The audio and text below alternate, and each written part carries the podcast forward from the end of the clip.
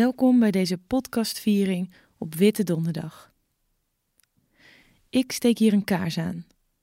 Je kan dat thuis ook doen. Zo zijn we met elkaar verbonden in die ene vlam, die teken is van trouw, vertrouwen en liefde.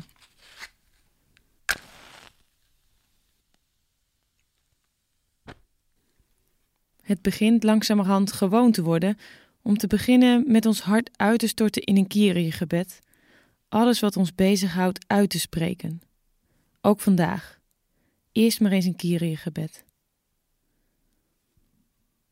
God, apart van elkaar in onze eigen huizen, concentreren wij ons deze week op de stille week. Op Jezus en zijn verhaal, op zijn leven, lijden en zijn dood. En het is moeilijk om je te concentreren want we zijn uit onze routine. Niks is meer zoals het was. Het is moeilijk om ons te focussen, want we zijn ons voortdurend ervan bewust dat er gevaar dreigt. En we kunnen niet ten strijde trekken om korte metten te maken met dit gevaar. Nee, van ons wordt gevraagd thuis te blijven. Dat voelt zo laf. En niet ver van onze huizen vandaan wordt gevochten voor levens, wordt beademd, in slaap gehouden, verzorgd, wordt geteld hoeveel nieuwe mensen, hoeveel doden, hoeveel bedden nog. We voelen ons machteloos. Ontferm u. God, nu we juist niet ontmoeten, verlangen wij meer naar dan ooit. We beseffen ineens hoe fijn het is om mensen te zien, aan te raken, te knuffelen, om dicht tegen elkaar aan te kruipen maar juist daarin schuilt gevaar. Dit virus tast ons aan in ons mens zijn.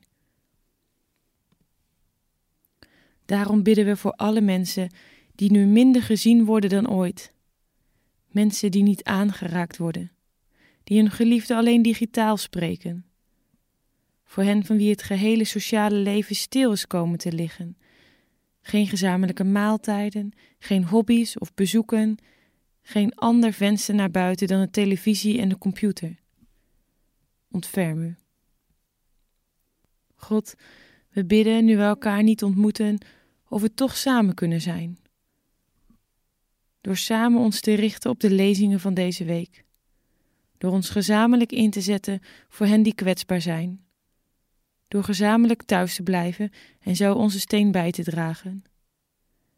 En we bidden of in die individuele gezamenlijke inzet ook iets zichtbaar mag worden van U, van Jezus.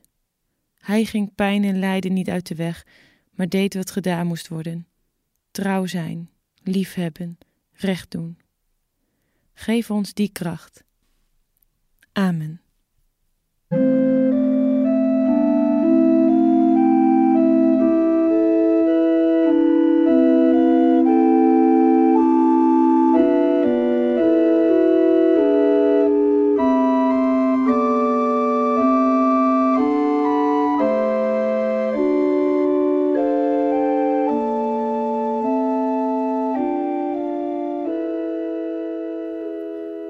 Afgelopen week op Facebook de vraag stelde welke maaltijd voor jou de mooiste of belangrijkste in je leven was, kreeg ik verschillende verhalen te horen. Over bruiloften met vrienden en familie, over na jaren als kind in het buitenland te hebben gewoond, weer terug te komen in Nederland en met familie te eten en boven je enorme gehaktbal van geluk in slaap te vallen. Verhalen over paasfeesten bij oma, met veel spinazie en ongezonde hoeveelheden eieren. Over een huwelijksfeest dat gevierd wordt, ondanks dat pa er niet meer is. Om toch bij elkaar te komen en te eten, om te gedenken wat goed en mooi was. Maaltijdsverhalen over reizen en vakanties. Over die eerste pizza die je samen eet in je nieuwe huis. Door alle verschillende verhalen heen was één woord overheersend: samen. Niemand deelde een verhaal over dat hij zo'n bijzondere herinnering had aan die ene keer met zijn prakje alleen voor de televisie. Interessant toch? Want ook daar kan je op zijn tijd echt wel van genieten. Maar als we vragen naar wat belangrijk is en mooi, dan zeggen we die keer samen. Witte Donderdag is het moment om samen te eten, om samen avondmaal te vieren, om met elkaar aan tafel te gaan, net als Jezus en zijn vrienden. Het avondmaal is op het verhaal van Witte Donderdag gebaseerd. Maar hier zitten we dan nu, allemaal apart op die Witte Donderdag. Niet samen, geen avondmaal. Ik vind dat pijnlijk. Maar ik hou me vast aan de woorden van een theoloog die ik deze week hoorde.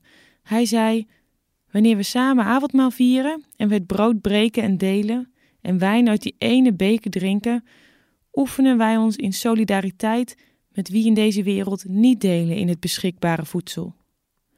Avondmaal is in die zin ook een oefening in naar elkaar omzien. Echte solidariteit zit nu niet in het delen van het brood en die beker, maar juist in het vasten op het avondmaal. Ter bescherming van de kwetsbare mensen en degenen die voor hen zorgen. Avondmaal vieren we vandaag dus niet. Maar de geest van die maaltijd houden we levend, tot we weer samen kunnen zijn. Jezus gaat samen met zijn vrienden aan tafel. Je gaat luisteren naar het verhaal van Witte Donderdag. Je hoort Matthäus 18. Toen Jezus deze laatste reden had uitgesproken, zei hij tegen zijn leerlingen: Over twee dagen is het, zoals jullie weten, Persach. Dan wordt de mensenzoon uitgeleverd om gekruisigd te worden. Ondertussen kwamen de hoge priesters en de oudsten van het volk bijeen in het paleis van de hoge priester, Caiaphas. Daar beraamden ze het plan om Jezus door middel van een list gevangen te nemen en hem te doden. Maar niet op het feest, zeiden ze, want dan komt het volk in opstand. Toen Jezus in Betanië in het huis van Simon, degene die aan huidvraat had geleden, aanlag voor een maaltijd, kwam er een vrouw naar hem toe. Ze had een albasten flesje met zeer kostbare olie bij zich en goot die uit over zijn hoofd. De leerlingen ergerden zich toen ze dit zagen en zeiden: Wat een verspilling! Die olie had immers duur verkocht kunnen worden. Dan hadden we het geld aan de armen kunnen geven. Jezus hoorde het en zei: Waarom vallen jullie deze vrouw lastig? Ze heeft iets goeds voor mij gedaan. Want de armen zijn altijd bij jullie, maar ik zal niet altijd bij jullie zijn.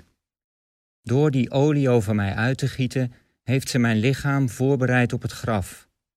Ik verzeker jullie, waar ook ter wereld het goede nieuws verkondigd zal worden, zal ter herinnering aan haar verteld worden wat zij heeft gedaan. Daarop ging een van de twaalf, die met de naam Judas Iscariot, naar de hoge priesters en zei: Wat krijg ik van u als ik hem aan u uitlever? Ze betaalden hem dertig zilverstukken. Vanaf dat moment zocht hij een gunstige gelegenheid om hem uit te leveren. Op de eerste dag van het feest van het ongedezemde brood kwamen de leerlingen naar Jezus toe en vroegen: Waar wilt u dat we voorbereidingen treffen, zodat u het Pesachmaal kunt eten? Hij zei: Ga naar de stad en zeg tegen de persoon die jullie bekend is: De meester zegt: Mijn tijd is nabij. Bij jou wil ik met mijn leerlingen het Pesachmaal gebruiken. De leerlingen deden wat Jezus hun had opgedragen en bereidden het Pesachmaal.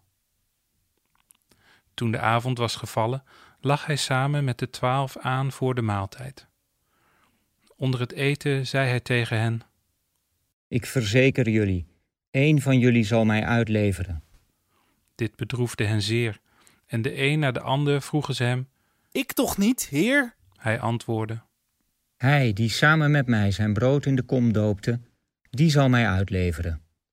De mensenzoon zal heen gaan, zoals over hem geschreven staat. Maar wee de mens door wie de mensenzoon uitgeleverd wordt. Het zou beter voor hem zijn als hij nooit geboren was.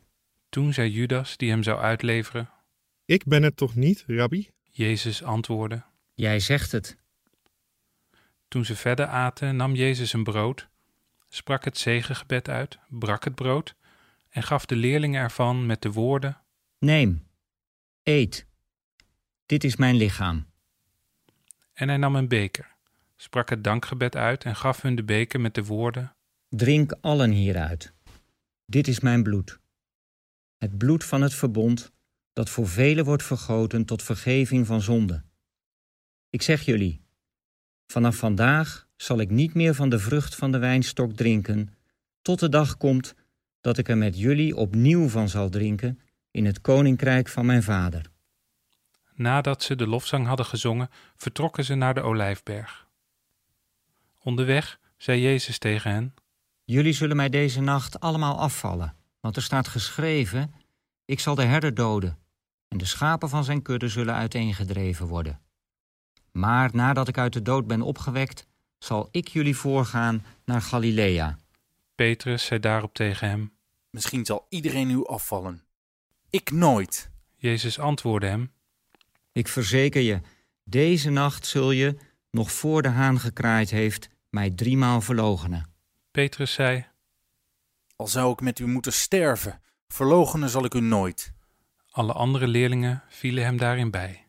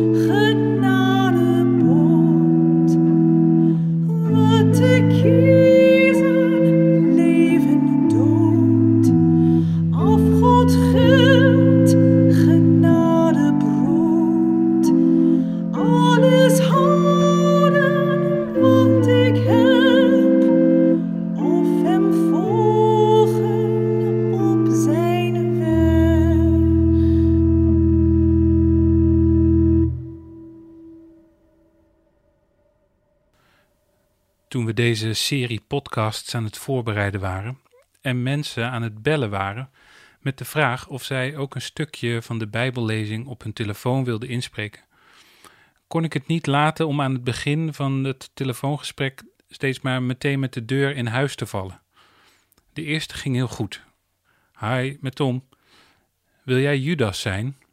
En het antwoord was: Ja, natuurlijk. Dus de tweede vroeg ik: Wil jij Jezus zijn?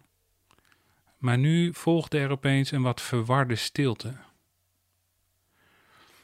En het was in die stilte dat ik mij ook pas besefte dat die vraag: Wil jij Jezus zijn? heel veel meer oproept dan de vraag: Wil jij Judas zijn?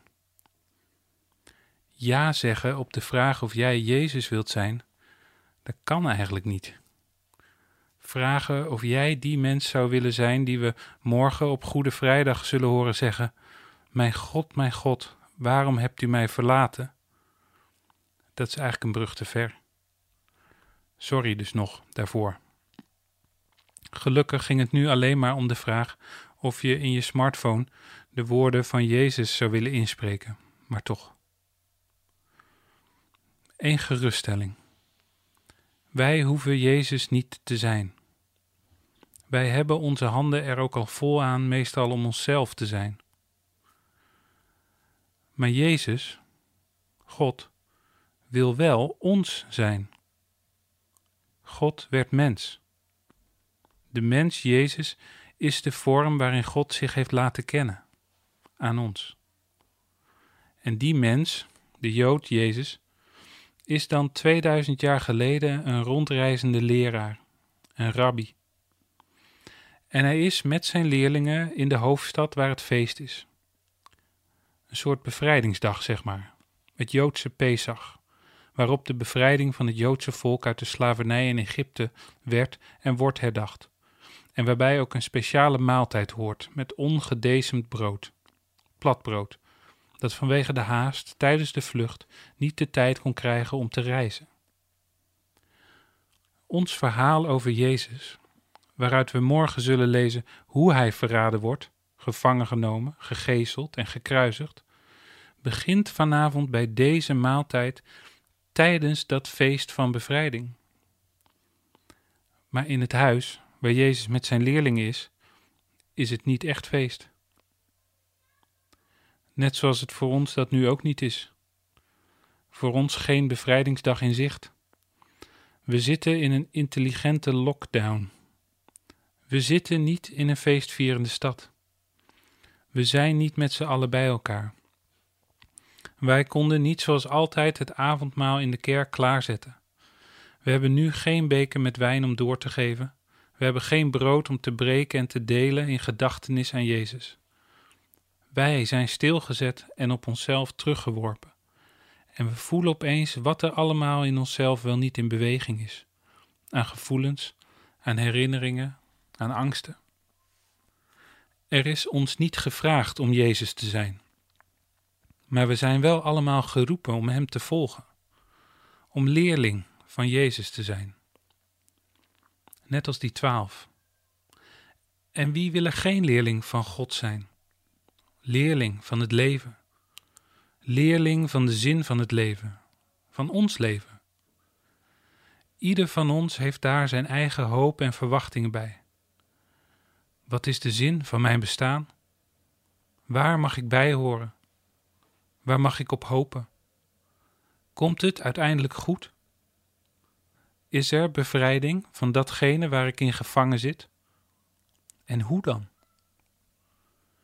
Jezus geeft zijn leerlingen, en dus ook ons, deze avond twee dingen. In het meest simpele dat ieder mens doet, in het eten en het drinken, geeft Hij zichzelf aan ons. Zijn lichaam als het brood dat we eten, Zijn bloed en Zijn leven als de wijn die we drinken. Jezus in ons. Daar kunnen wij Hem volgen. Daar mogen we bij horen. Zo dichtbij. En tegelijk bereidt Hij Zijn leerlingen er ook op voor dat ze Hem zullen afvallen. Dat ze vanaf hier Hem niet zullen kunnen volgen. Want vanaf deze maaltijd scheiden onze wegen. Dat is het enge van deze dagen voor Pasen. Hoe vastberaden de leerlingen ook zijn om Hem te volgen, toch zal de mens Jezus eenzaam blijken in deze komende dagen. Judas verraadt hem, Petrus verloochent hem, zelfs God zal hem verlaten, alsof God zichzelf in de steek laat. Een diep mysterie. Wij zitten hier in eenzelfde verwarring als waarmee de leerlingen met Jezus aan tafel gezeten moeten hebben.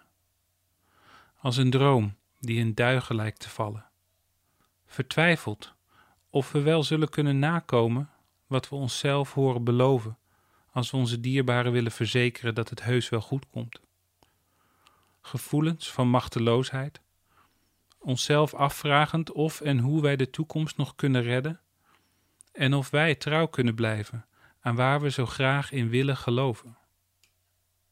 Laten wij dan, zoals zijn leerlingen, bij het brood dat we eten, denken aan deze avond, toen Jezus zichzelf aan ons uitdeelde. En laten we proberen om bij iedere slok die we nemen, zijn leven, Gods belofte ons in te drinken, door ons heen te laten gaan en daaruit te leven, ons erdoor te laten voeden, God als het voedsel dat ons doet leven. In het eenvoudige en nederige besef dat het niet ons doorzettingsvermogen is dat ons met Hem verbindt, maar dat we met Hem verbonden zijn in Zijn leven dat ons leven draagt. Laten we dan steunen, op wat Jezus ons al gegeven heeft, toen Hij ons leerde bidden. Onze, Vader, die in de, die in de hemel hemel zijt. Uw naam worden geheiligd. Uw koninkrijk komen.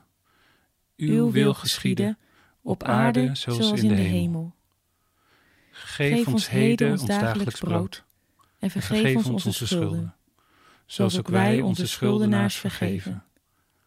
En leid ons niet in verzoeking, maar verlos ons van de boze. Want, van, u is het, koninkrijk, en de, kracht, en de, heerlijkheid, in, de eeuwigheid. Amen.